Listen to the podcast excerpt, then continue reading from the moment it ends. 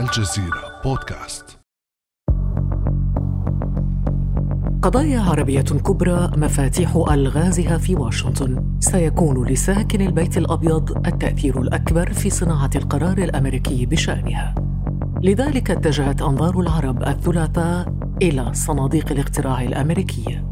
قد تكون توجهات ترامب واضحة في حال تزكيته لولاية ثانية. والأرجح أنه سيكمل ما بدأه من قبل.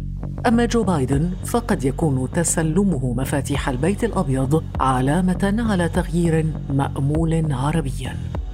الآن أسدل الستار على أربع سنوات قضاها ترامب في البيت الأبيض. كما يسدل الستار أيضا عن واحدة من أكثر الانتخابات الرئاسية الأمريكية جدلا وإثارة ومعها تنتهي معارك كلامية كثيرة بين المرشحين الديمقراطي جو بايدن والجمهوري دونالد ترامب قبل أن يعرف الأمريكيون ومعهم العالم هوية حامل مفاتيح البيت الأبيض ليجد على قائمة أولوياته ملفات السياسة الخارجية لبلاده بينها تلك المتعلقة بالعالم العربي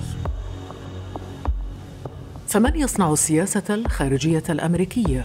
وما دور ساكن البيت الأبيض في صنع وتنفيذ هذه السياسة؟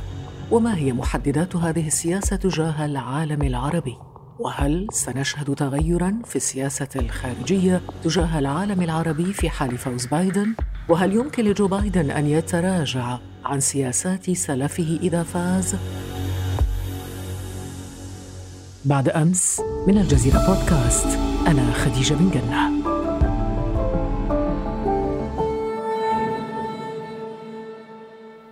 لمناقشة محددات السياسة الخارجية الأمريكية ينضم إلينا في هذه الحلقة الدكتور حسن البراري أستاذ العلاقات الدولية بجامعة قطر أهلا وسهلا بك دكتور حسن أهلا بك أستاذة خديجة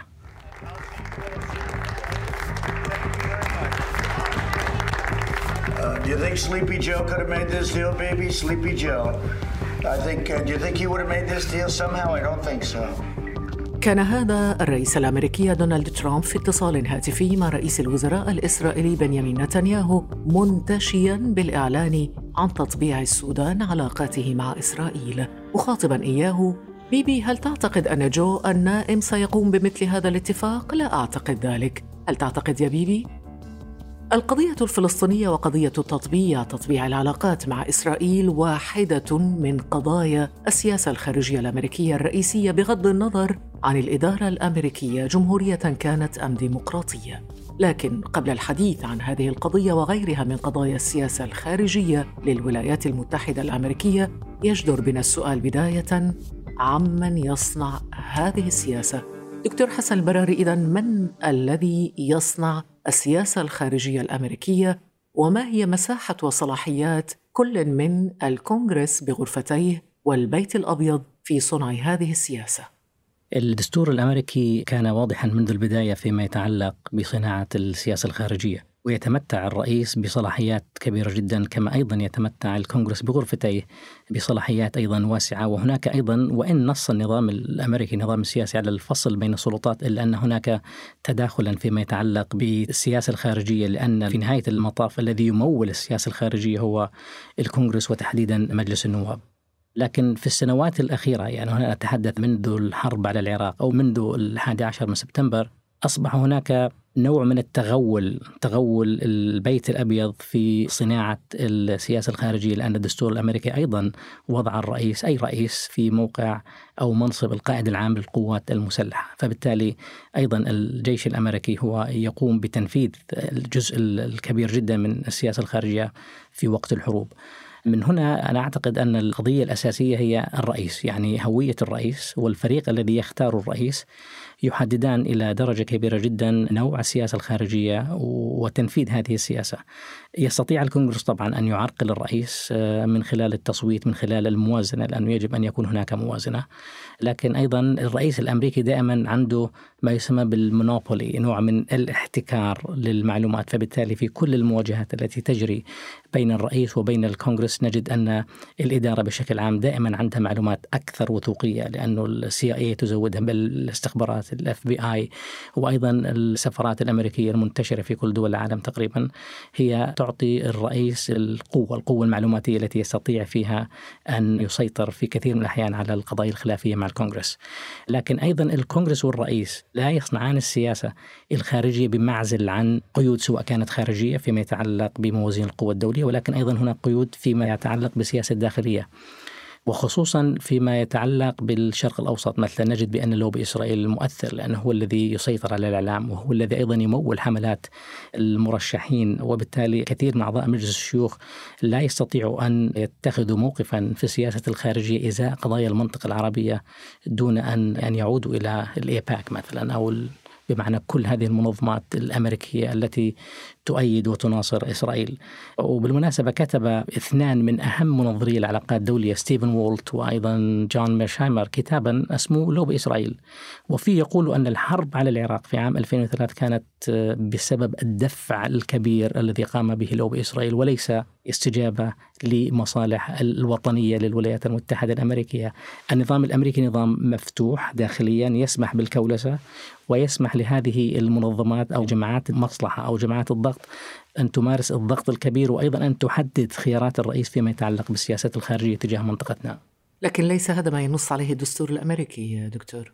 نحن نتحدث عن الممارسة. الدستور واضح. الدستور أعطى الكونغرس وأعطى الرئيس لكن أيضا الرئيس دائما في هناك يعني لعبة مزدوجة. من ناحية هو يريد أن يقوم بسياسة خارجية لكن من ناحية أخرى هو يريد أن يرى كيف تنعكس هذه السياسة على فرصه في إعادة الانتخاب. وإحنا شفنا حتى كل قضايا التطبيع التي تمت في هذه المنطقة. نعم. كان الرئيس الأمريكي يحاول توظيفها انتخابيا يحولها إلى رصيد انتخابي. يعني هناك تنامي لدور الرئيس في هذا المجال. هل هذه سابقة أم أن الرؤساء السابقين الذين سبقوا ترامب أيضا كان لهم دور كبير في صناعة السياسة الخارجية الأمريكية؟ لا لا ليست سابقة. هو الأمر يعني مرتبط بالظروف مثلا آه، شفنا إحنا بعد الحرب العالمية الأولى كان الرئيس ويلسون يريد أن يكون عضوا آه، في عصبة الأمم لكن الكونغرس كان انعزاليا فرفض ذلك. فبالتالي لم تدخل الولايات المتحدة الأمريكية معترك السياسة الدولية حتى بيرل هاربر في عام 1940 وأثناء الحرب العالمية شفنا إحنا أيضا الرئيس الأمريكي يتمتع بصلاحيات مطلقة. الأمر أيضا مرتبط بالتوزيع يعني من الحزب الذي يسيطر على أي غرفة. يعني إذا كان مجلس الشيوخ يسيطر عليه الحزب الجمهوري ويكون الرئيس جمهوري نجد نوع من التطابق فيما يتعلق بالسياسة الخارجية. المشكلة عند الرئيس أو عملية التج أوف وور اللي هي شد الحبل أو عض الأصابع تجري عندما يكون الرئيس من حزب والأعضاء الذين يسيطرون على مجلس الشيوخ من حزب آخر. هنا تحدث المشاكل أو مجلس النواب. يعني إحنا شفنا ناسي بلوسي مع مع جورج بوش في عام 2007 فيما يتعلق بالسيرج اللي هو طلب الرئيس بوش موازنات من أجل رفع عدد القوات في العراق. هذه كانت نقطة خلاف شديدة أدت إلى خسارة الحزب الجمهوري الانتخابات النصفية في عام 2008 عندما جاء أوباما.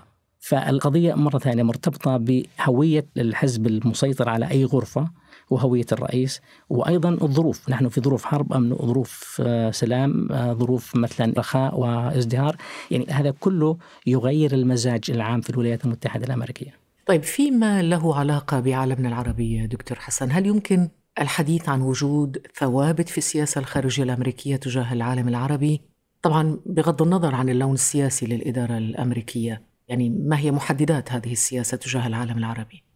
يعني هناك أهداف عريضة يتفق عليها الحزبان مثلا دعم إسرائيل هو دعم ليس حزبيا هو عابر للأحزاب، هناك يعني نوع من الإجماع الأمريكي فيما يتعلق بالتزام الولايات المتحدة ببقاء وأمن إسرائيل.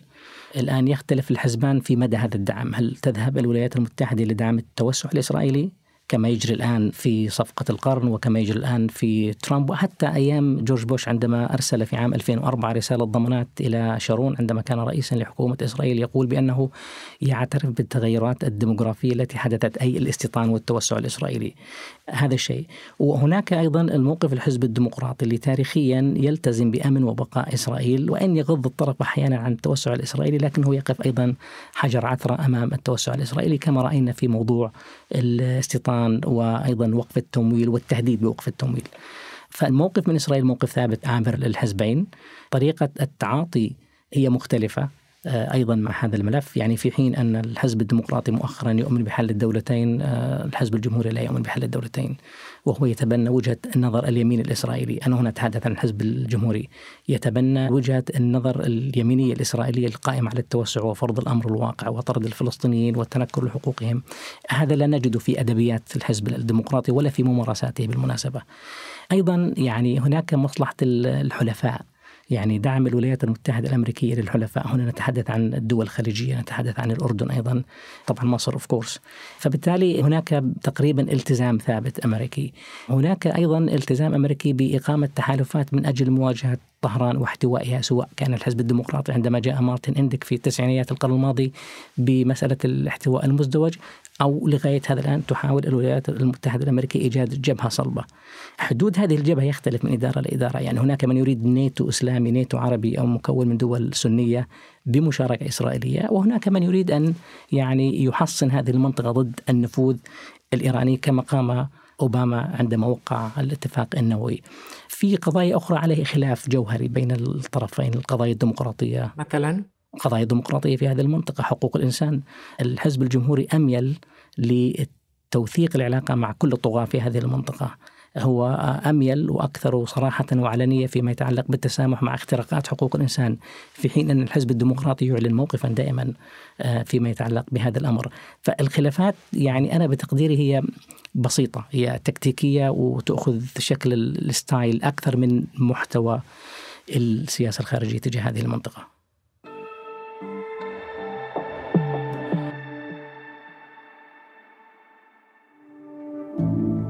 اشترك في بعد أمس لتصلك الحلقات يوميا عبر تطبيق بودكاست تواصل معنا عبر صفحات الجزيرة بودكاست على فيسبوك تويتر وإنستغرام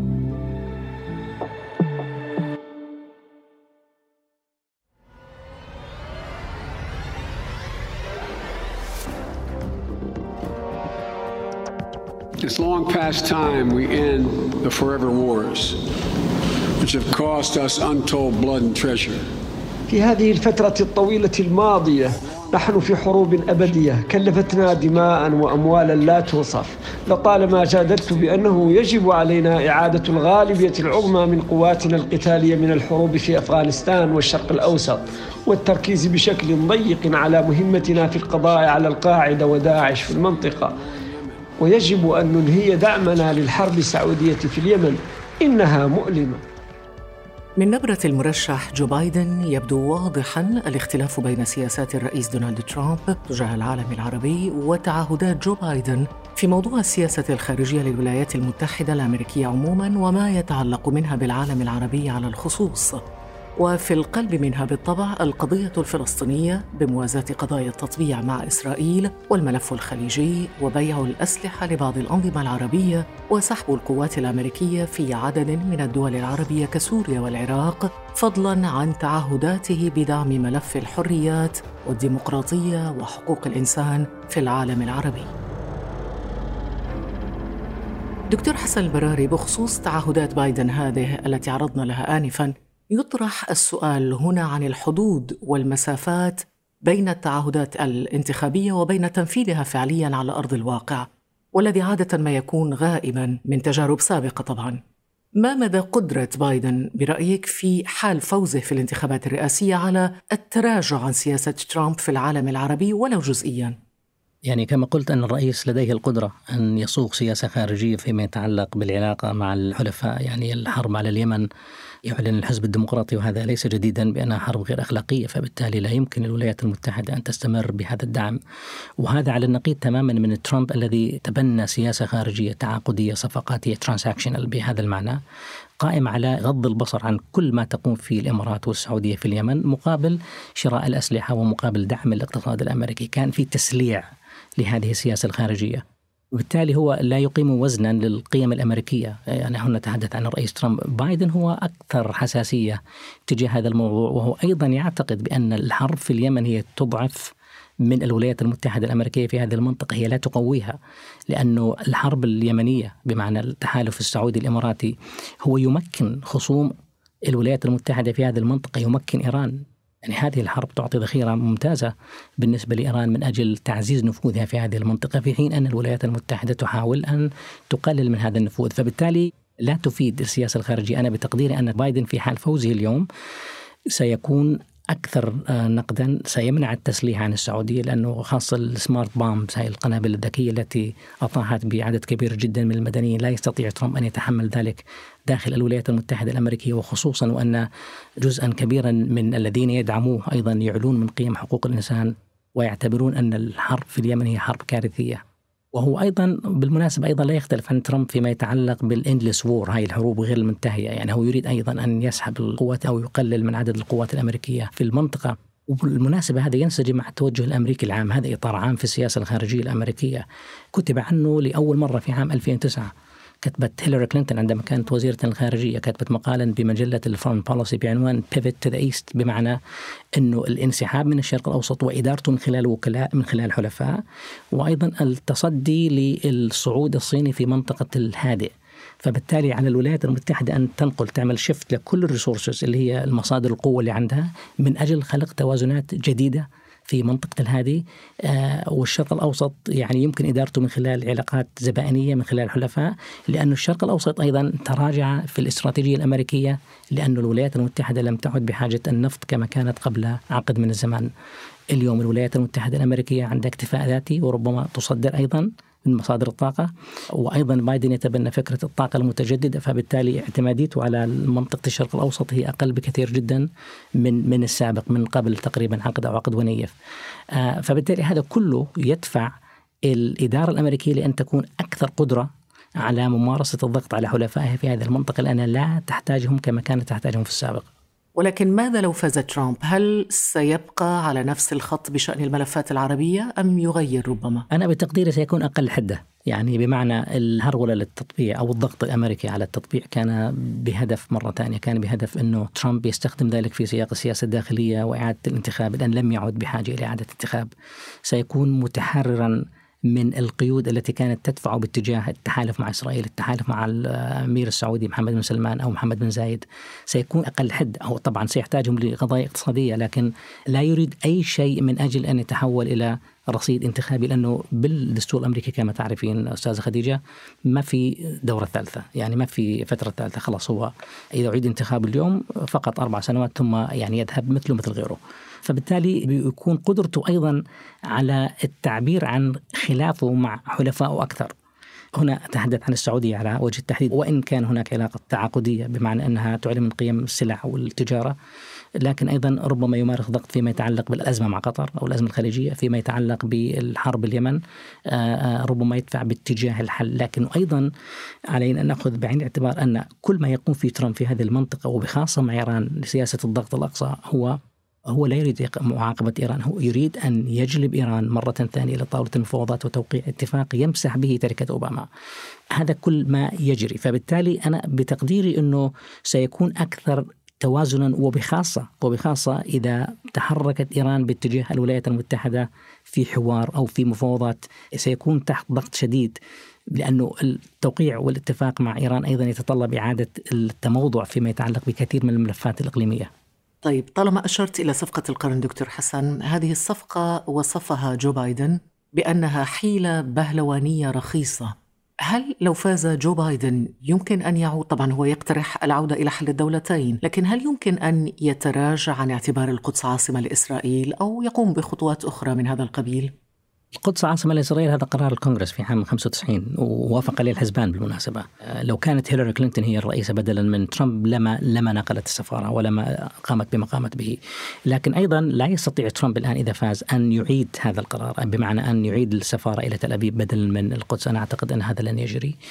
لكنه أيضا آه، لن يشجع الضم هذا الضم ضم غور الأردن الذي شكل 28% من أراضي الضفة الغربية التي نص عليها صفقة القرن. هذا لن يتبناه بايدن. ولن يشجع على ذلك ولن يتمكن اليمين الإسرائيلي من فرضه على الطاولة لأنه أسهل لهم أن يقوموا بذلك مع ترامب لكن مع بايدن أنا أعتقد أن الأمور ستكون مختلفة جدا. لو عرجنا دكتور حسن البراري على منطقة الخليج دونالد ترامب تعهد بمواصلة حماية ولي العهد السعودي محمد بن سلمان والتصدي للقيود التي يريد الكونغرس فرضها على تصدير السلاح للسعودية بسبب حربها في اليمن. في المقابل جو بايدن حمل محمد بن سلمان مسؤولية اغتيال خاشقجي وتعهد بأن دمه لن يذهب هباء وأنه سيلتزم بإعادة تقييم العلاقات مع السعودية ودعم المعارضة وحمايتها وتجميد المساعدات العسكرية للمملكة وجعلها منبوذة دوليا هذا ما قاله حرفيا. هل يملك برأيك جو بايدن الالتزام بهذا التعهد والذهاب فيه بعيدا إذا فاز؟ بداية خليني أحكي آه، خديجة شيء مهم جدا أنه بايدن لديه النية القيام في ذلك. الآن القدرة على تنفيذ السياسة الخارجية هذا مرتبط على شكل مجلس النواب ومجلس الشيوخ. الآن نعرف أنه نانسي بيلوسي تقود مجلس النواب لكن أيضا هذه الانتخابات الحالية فيها انتخابات مجلس النواب والشيوخ يعني في تقريبا نصف المقاعد سيعاد انتخابها. من هو الحزب الذي سيسيطر؟ إذا جاء بايدن رئيسا وسيطر الحزب بقي الجمهوريين في سيطرتهم على على المجلس الشيوخ وحسنوا وضعهم في مجلس النواب أنا أعتقد أن قدرة بايدن على المناورة في السياسة الخارجية ستكون أقل. فبالتالي القضية مرة ثانية يعني سؤالك الأول كان سؤال المركز المفتاحي المهم جدا أنه من يصنع السياسة الخارجية. صحيح الرئيس لديه سلطات واسعة لكن أيضا هو لا يستطيع أن يقوم بكل شيء بمعزل عما يجري في الكونغرس. فبالتالي القضية مرتبطة أعتقد ب توزيع القوى السياسية موازين القوى السياسية داخل الغرفتين للكونغرس. لكن أيضا هناك جزء من السياسة الخارجية نتيجة مبادرة من الرئيس بايدن في هذه الحالة إذا تم انتخابه. على الأرجح أن لا يبادر في الاستمرار بنفس النهج الذي قام فيه ترامب في العلاقة مع السعودية. يعني سيكون هناك نوع من المحاسبة. العلاقة مع السعودية هي علاقة استراتيجية بالنسبة للولايات المتحدة الأمريكية. لن يتغير ذلك حتى في عهد بايدن لكنها لن تكون باتجاه واحد. تيت فورتات بمعنى يساعدهم في ملف معين مقابل التزام السعودية في قضايا يطلب منها الرئيس الجديد. في حالة ترامب كما شاهدنا يعني أعطاهم شيك على بياض. السعودية على وجه التحديد كانت تلاحق خصومها في الخارج تقتل خاشقجي تحاول أن تقتل سعد الجبري أيضا في كندا وفي الولايات المتحدة الأمريكية. شكلت فرقة اسمها النمر خارج القانون للقتل خارج القانون. الإمارات أقام سجون سرية في كلها ممارسات سلط الضوء عليها. الإعلام الأمريكي الذي يتهم ترامب بأنه إعلام مزيف. لكن قيمة هذا الإعلام أنه وثق لمرحلة وصفها بأنها سيئة من حيث انتهاكات حقوق الإنسان في هاتين الدولتين. أنا بتقديري أن الرئيس بايدن في هذا الحالة لا يستطيع أن يتجاهل الإيمج الصورة التي خلقت عن قادة معينين في هذه المنطقة فبالتالي سيتعامل معهم بحذر وبحزم لكن لن يغير تحالفه مع هذه الدول نعم ماذا عن العراق وسوريا؟ كيف يمكن أن يتعامل أي فائز من الطرفين أو من الرجلين مع هذين الملفين؟ لم أرى اختلافا كبيرا بينهما. يريدان أن ينسحبا أو يسحبا القوات من العراق ومن سوريا مقابل ضمان عدم عودة داعش أو إبقاء قوة صغيرة يمكن أن تقارع داعش في أو الإرهاب في حال عودته إلى هاتين المنطقتين. آه، سوريا لا مصلحة للولايات المتحدة الأمريكية في سوريا. آه، وشفنا إحنا حتى التحالف مع الأكراد في سوريا. الرئيس ترامب باعهم بدل مرة مرتين. يعني أنا أعتقد أن بايدن ربما يتمسك أكثر بالأكراد وهذا سيخلق له مشكلة مع الرئيس التركي أو مع الدولة التركية. لكن بالمجمل سيسحب بايدن ويقلل من القوات في سوريا وسيقلل القوات أيضا في العراق. في سوريا تبقى قضية الانتقال السياسي قضية شائكة. ترامب لم يهتم لها نهائيا. أنا أعتقد أن بايدن سيتحدث مع الروس بلغة مختلفة ربما وسيكون هناك نوع من التريد أوفز اللي هي المقايضات. بحيث تضمن انتقال سياسي في سوريا لا يؤثر كثيرا على ما تريد الولايات المتحدة الأمريكية ولا أيضا يضرب مصالح روسيا. لكن أيضا في سوريا في نقطة في غاية الأهمية وهي التموضع الإيراني.